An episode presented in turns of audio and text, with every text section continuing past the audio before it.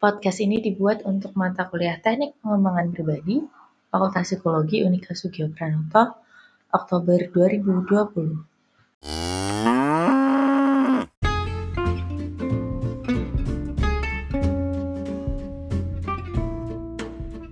Hai, halo selamat pagi dan selamat datang kembali di mata kuliah Teknik Pengembangan Pribadi. Nah, teman-teman, Hari ini seperti yang saya bilang kemarin, kita sudah mulai buka bukunya Seven Habits dari Stephen Covey atau ada juga yang buka buku Seven Habits for Teens yang dari anaknya yaitu Sean, Sean Covey. Nah, uh, hari ini kita akan review sedikit materi saja uh, untuk apa ya belajar lebih mendalamnya uh, mungkin besok kemis aja. Nah, nanti setelah saya review sedikit materi, kemudian ada sedikit tugas buat kalian. Terus setelah itu silahkan di rumah kalian baca ya uh, Seven Habits yang soal menjadi proaktif karena ini adalah kebiasaan pertama dan kita akan memulai dari sini. Bagaimana sih menjadi orang yang lebih efektif nantinya? Ya, caranya adalah menjadi proaktif terlebih dahulu. Nah, Uh, jangan lupa ini podcast sama seperti podcast-podcast lainnya kalau kita mau pindah slide um, ada tandanya yaitu suara sapi yang mengeluh gitu. Jadi sekarang mari bersama-sama kita pindah ke slide yang kedua.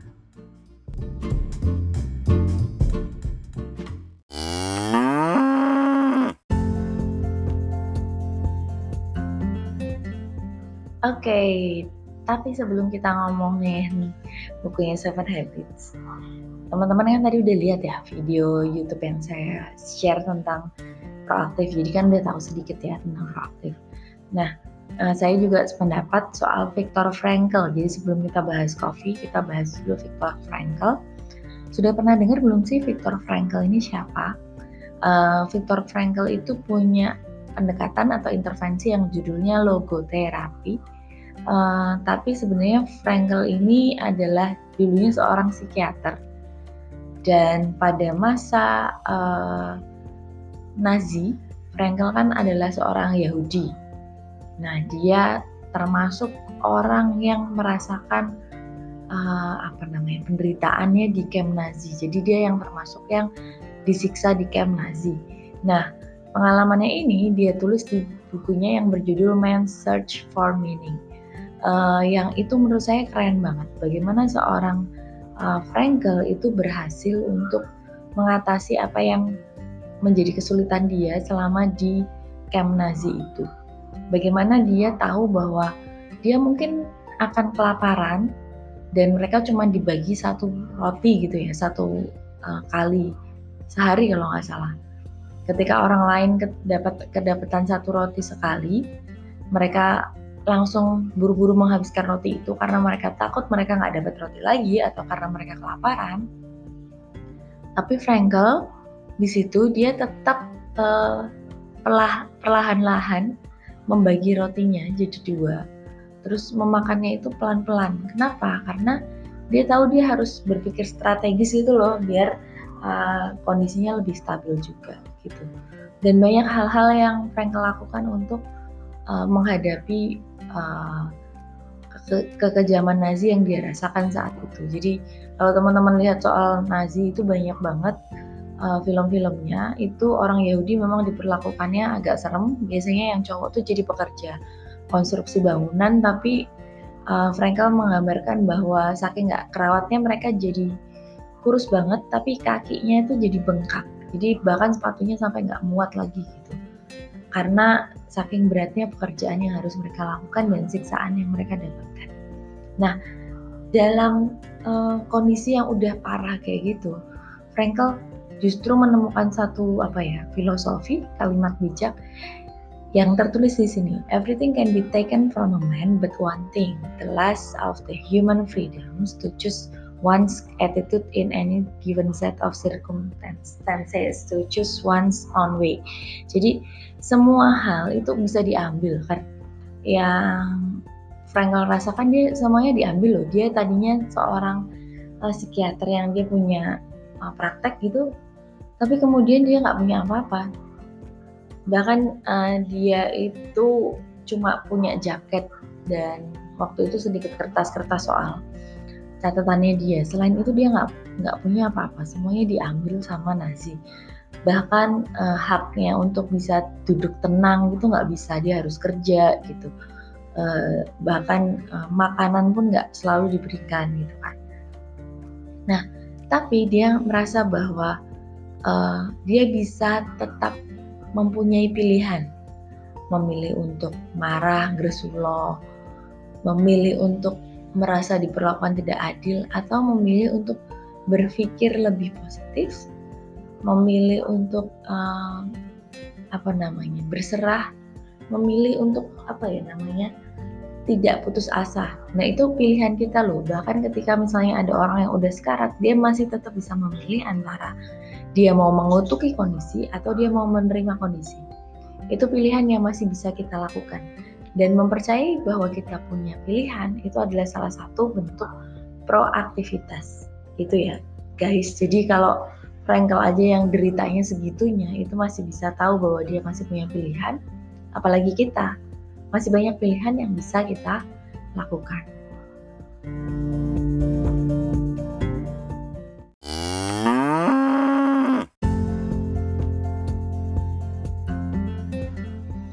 Nah, oke, okay. terus kita bahas lagi soal sikap proaktif. Jadi pada intinya, ketika kita menemui berbagai hal sehari-hari, ada masalah, ada uh, tugas rutin kita. Nah, ada sikap kita untuk bisa jadi proaktif, reaktif, sama ada pasif sih. Ini tadi nggak dibahas sih di, di, di video dan di bukunya, tapi saya akan bahas sedikit soal pasif juga. Proaktif itu apa? Proaktif itu orang yang mau mengambil inisiatif dan mau bertanggung jawab. Jadi ketika dia ngeliat kayaknya ini bakal rusak nih, misalnya ya, Anda ngeliat suatu barang yang mungkin akan rusak. Apakah Anda menunggu sampai dia rusak terus baru uh, benerin itu atau bisa proaktif ngomong? Sama ketika misalnya nih kamu sama teman atau kamu sama pasangan, lalu kamu melihat ada something wrong dengan orang lain. Apakah kamu menunggu untuk dia uh, ngomong atau kamu bisa dengan proaktif menanyakan ada masalah apa, ada yang bisa aku bantu gitu. Nah, uh, sama juga ketika ada masalah sama diri kita, apakah kita menunggu orang lain untuk tahu bahwa kita punya masalah atau sebelum masalah itu membesar, kita bisa bilang nih. Kita bisa bilang bahwa kita punya masalah. Gitu. Orang yang proaktif itu tidak menunggu sesuatu terjadi uh, kemudian kita baru benerin. Gitu. tapi dia uh, apa namanya mempersiapkan segala kemungkinan. Jadi dari awal dia udah ngasih tahu. Dan orang proaktif itu ngomongnya juga enak gitu. Maksudnya dia berkomunikasi dengan cara yang baik. Tapi ada juga orang yang pasif. Pasif tuh belas nggak ngapa-ngapain mau ada hujan badai atau apa pun dia nggak bertindak apa-apa ketika dia menemui suatu masalah Nah, tapi kalau ada juga orang yang reaktif, orang yang reaktif itu gini, uh, ada masalah baru dia tangani. Misalnya uh, seorang ibu, anak yang ibunya itu selalu bilang uh, apa namanya, tolong benerin kamarmu deh, maksudnya rapiin kamarmu secara rutin. Kalau dia proaktif maka dia juga akan merapikan kamarnya secara rutin bahkan sebelum disuruh oleh ibunya. Kalau dia ada masalah, misalnya dia ada uh, tugas yang terlalu banyak sampai dia nggak bisa beresin kamar, mungkin dia akan ngomong dulu sama ibunya. Ma ini kayaknya tugasku kebanyakan, mungkin aku nggak akan serajin beberapa minggu lalu untuk uh, beresin kamar. Jadi orang lain udah tahu, udah bisa mengantisipasi. Tapi kalau yang reaktif, tahu-tahu dia ngerjain tugas terus kan, terus uh, ibunya ngeliat kamarnya kok berantakan banget terus ibunya marah dong kamu kok nggak uh, beresin kamarmu gini gini gini gitu. terus nah orang yang reaktif terus baru akan ngomong di situ aku kan banyak tugas mama nggak paham aku nah gitu jadi kayak kita menunggu satu momen dan kita ngerasa orang lain tuh nggak memahami kita. Karena apa? Karena um, kita adalah uh, orang yang menjadi bisa dalam tanda kutip jadi korban gitu. Karena beban kita banyak. Tapi kalau proaktif itu dari awal dia udah bisa memperkirakan bebannya kayak apa. Jadi dia bisa ngasih tahu orang lain kalau ada apa-apa. Nah uh, proaktif dan reaktif ini nggak selamanya positif dan negatif reaktif itu perlu dilakukan di beberapa setting. Jujur saya orang yang cukup reaktif. Apalagi saya punya pengalaman beberapa tahun itu uh, praktek di biro psikologi yang uh, terutama banyak kasus-kasus gawat kayak anak-anak yang uh, agresif misalnya kayak gitu. Nah di situ saya memang belajar untuk bereaksi cepat, belajar untuk bereaksi cepat uh, apa namanya ketika ada sesuatu gitu. Jadi kita harus melihat anaknya gimana, terus mungkin dia uh, marah-marah, ngelempar-ngelempar sesuatu. Nah, saya reaktif terhadap apa yang dia lakukan. Nah, itu karena penanganannya memang seperti itu.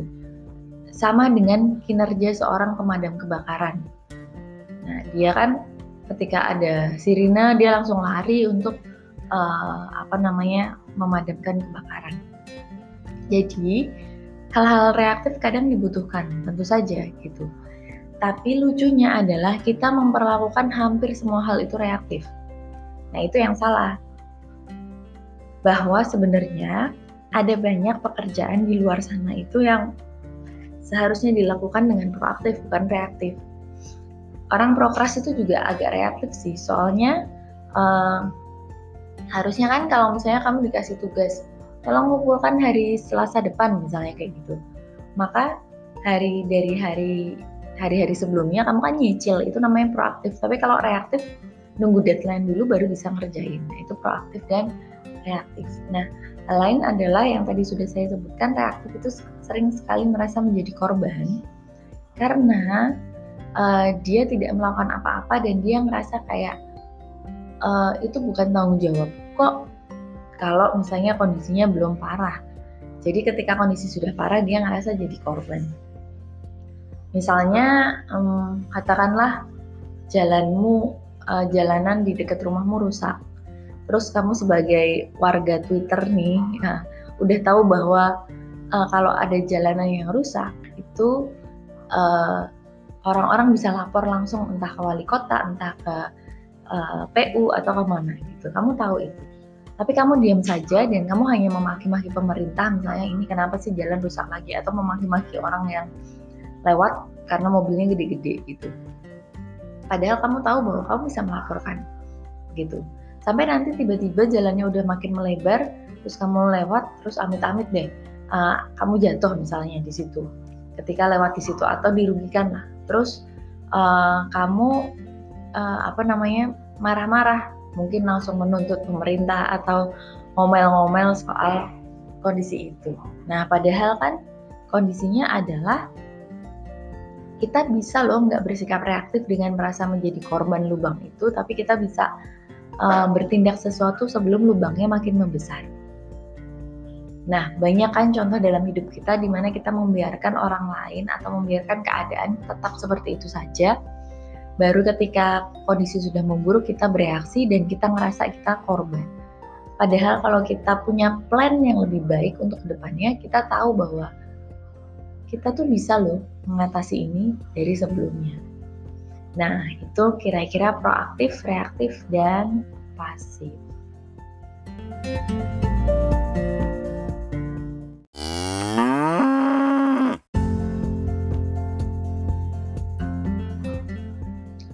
okay, uh, eh, salah satu cara mengenali kita itu selama ini reaktif atau proaktif itu dengan mengenali bahasa kita kalau misalnya kamu ketemu masalah atau misalnya kamu berantem lah sama orang tuamu, sama teman-temanmu atau sama pasanganmu gitu. Terus kamu lihat ada yang sesuatu yang bermasalah. Kamu biasanya ngomong apa sih soal solusi permasalahannya?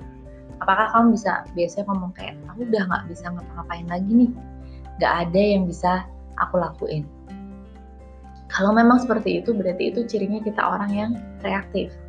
Tapi kalau proaktif mungkin kita ketika kita ditimpa masalah, kita masih akan bilang, oke, okay, mari kita lihat alternatif yang ada. Jadi bisa bedakan ya orang reaktif dan proaktif.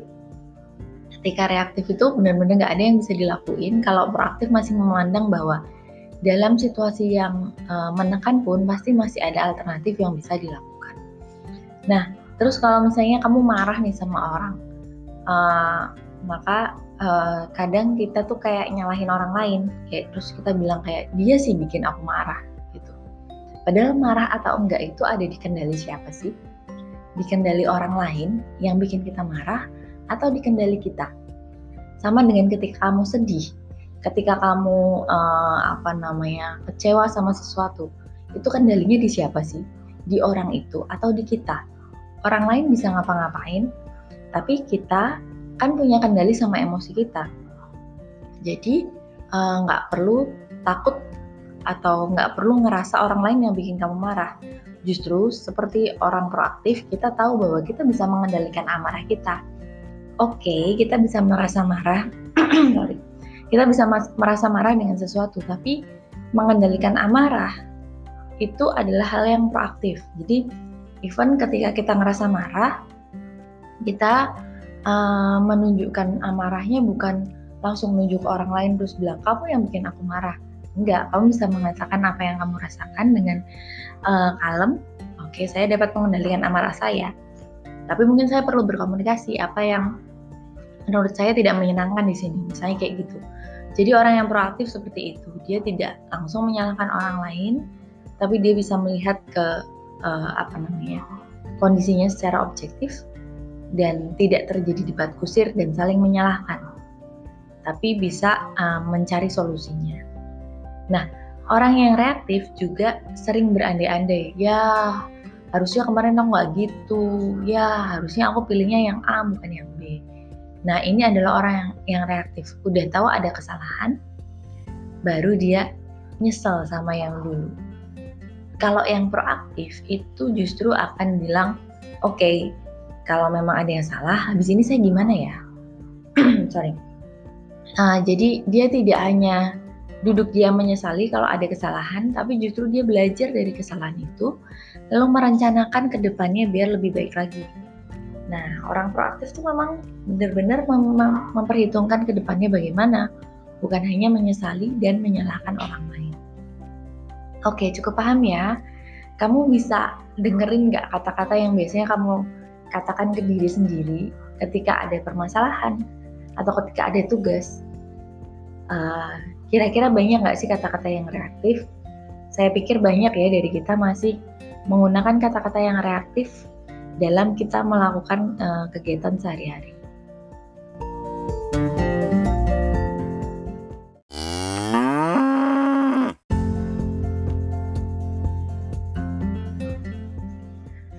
Okay, sekarang kita masuk ke tugas. Nah, saya lagi pengen coba ada fitur dari uh, cyber yang selama ini belum saya coba, tapi nanti akan saya coba yaitu namanya workshop. Apa itu workshop?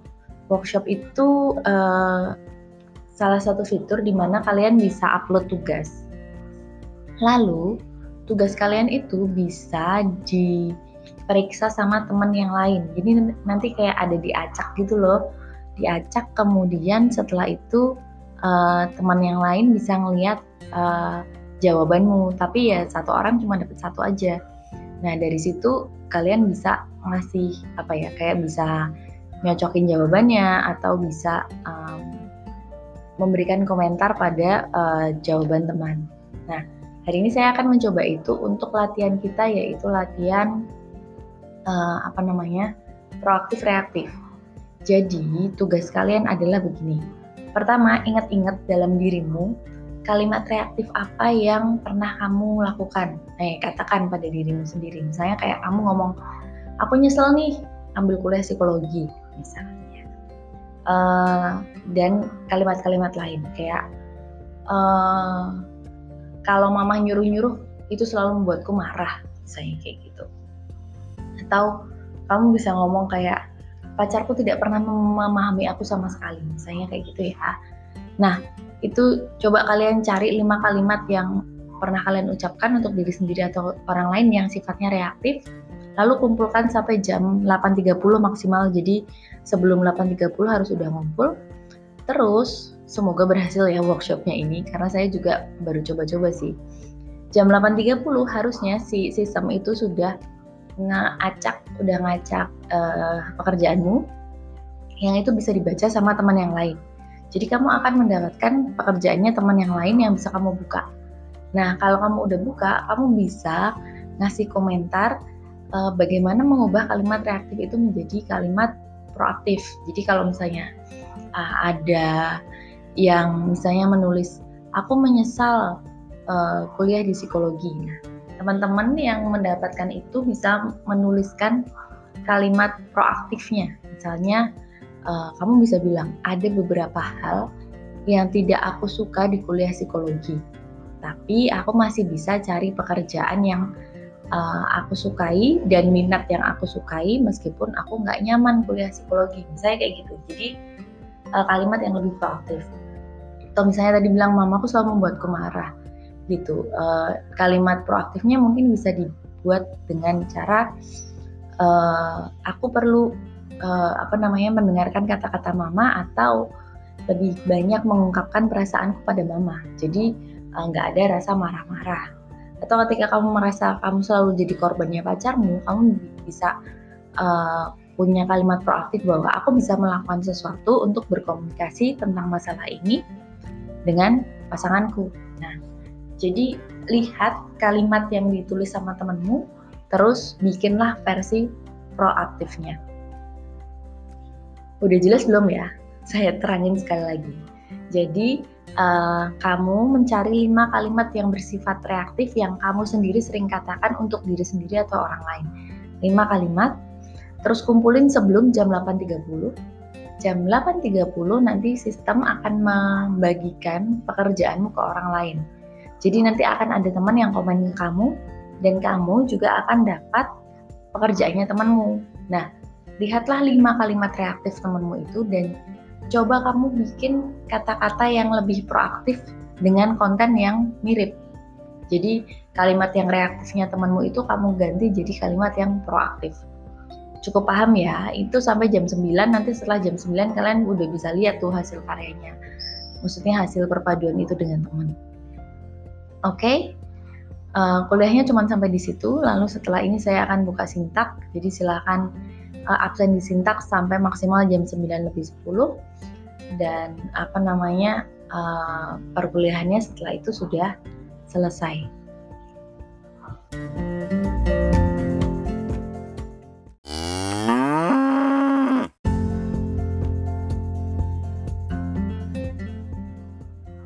Terakhir, sebelum menutup perkuliahan ini, saya ingin mengatakan kepada kalian bahwa ketika kita belajar proaktif dan reaktif, kita perlu tahu bahwa selama ini kadang kita ngerasa kita jadi korban uh, akan suatu hal. Bahwa mungkin ada orang yang bikin kita kecewa atau bahkan ada orang yang menyakiti kita. Tapi nggak ada seorang pun yang bisa menyakitimu, bahkan menjadikanmu korban, kalau kamu tidak memberikan izin atau kesempatan untuk itu. Jadi uh, tidak ada orang yang bisa membuatmu inferior tanpa konsen atau tanpa uh, apa ya izinmu, tanpa kamu membiarkan dirimu untuk dibuat seperti itu. Gitu ya. Jadi kita tidak selalu 100% menjadi korban, tapi uh, mungkin karena kondisi aja kita kebiasaan gitu loh kalau untuk merasakan diri kita adalah korban. Tapi kalau kita uh, lihat lagi mendalam, nggak ada hal yang 100% benar-benar nggak bisa kita ubah. Selalu ada hal yang bisa kita ubah dan itu membuat kita bukanlah 100% korban, tapi kita masih punya daya untuk melakukan sesuatu. Hanya kadang kita lupa. Jadi jadilah proaktif, jadilah orang yang paham bahwa kamu bukan korban, kamu tidak akan disakiti kalau kamu tidak membiarkan dirimu untuk disakiti.